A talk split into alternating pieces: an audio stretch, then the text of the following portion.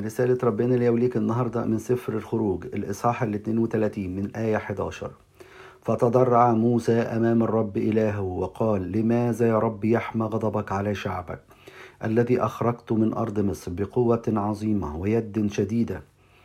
لماذا يتكلم المصريون قائلين أخرجهم بخبث ليقتلهم في الجبال ويفنيهم عن وجه الأرض ارجع عن حمو غضبك واندم على الشر بشعبك.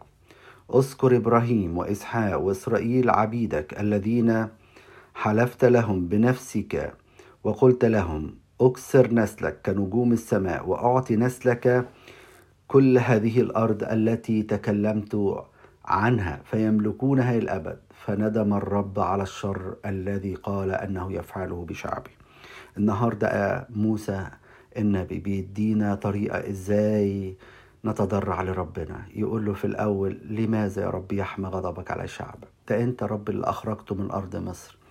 لأن ربنا قال له ده شعبك أنت يا موسى وأنت اللي أخرجته. فقال له لا يا رب أنت اللي أخرجته من أرض مصر وأنت اللي أخرجته يا رب بقوة عظيمة ويد شديدة. وبعد كده يقول له طب يا رب لماذا تكامل المصريين قائلا أخرجهم بخبث ليقتلهم في الجبال؟ نقول له كده يا رب طب الشياطين هتفرح فينا دلوقتي لو انت سبتنا يا رب لو انت غضبك علينا طب الشياطين هتفرح فينا. كمان يقول له يا رب يفكروا بالوعود يقول له اذكر يا رب اذكر يا رب إبراهيم وإسحاق وإسرائيل انت وعدت وقلت لهم حاجات كتيرة قوي يا رب اذكر الوعود دي وفي الآخر يقول ربنا فندم الرب على الشر الذي قال أن افعله بشعبه.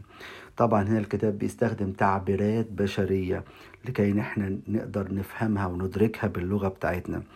لكن الله طبعا شايف قدامه المستقبل والحاضر والماضي.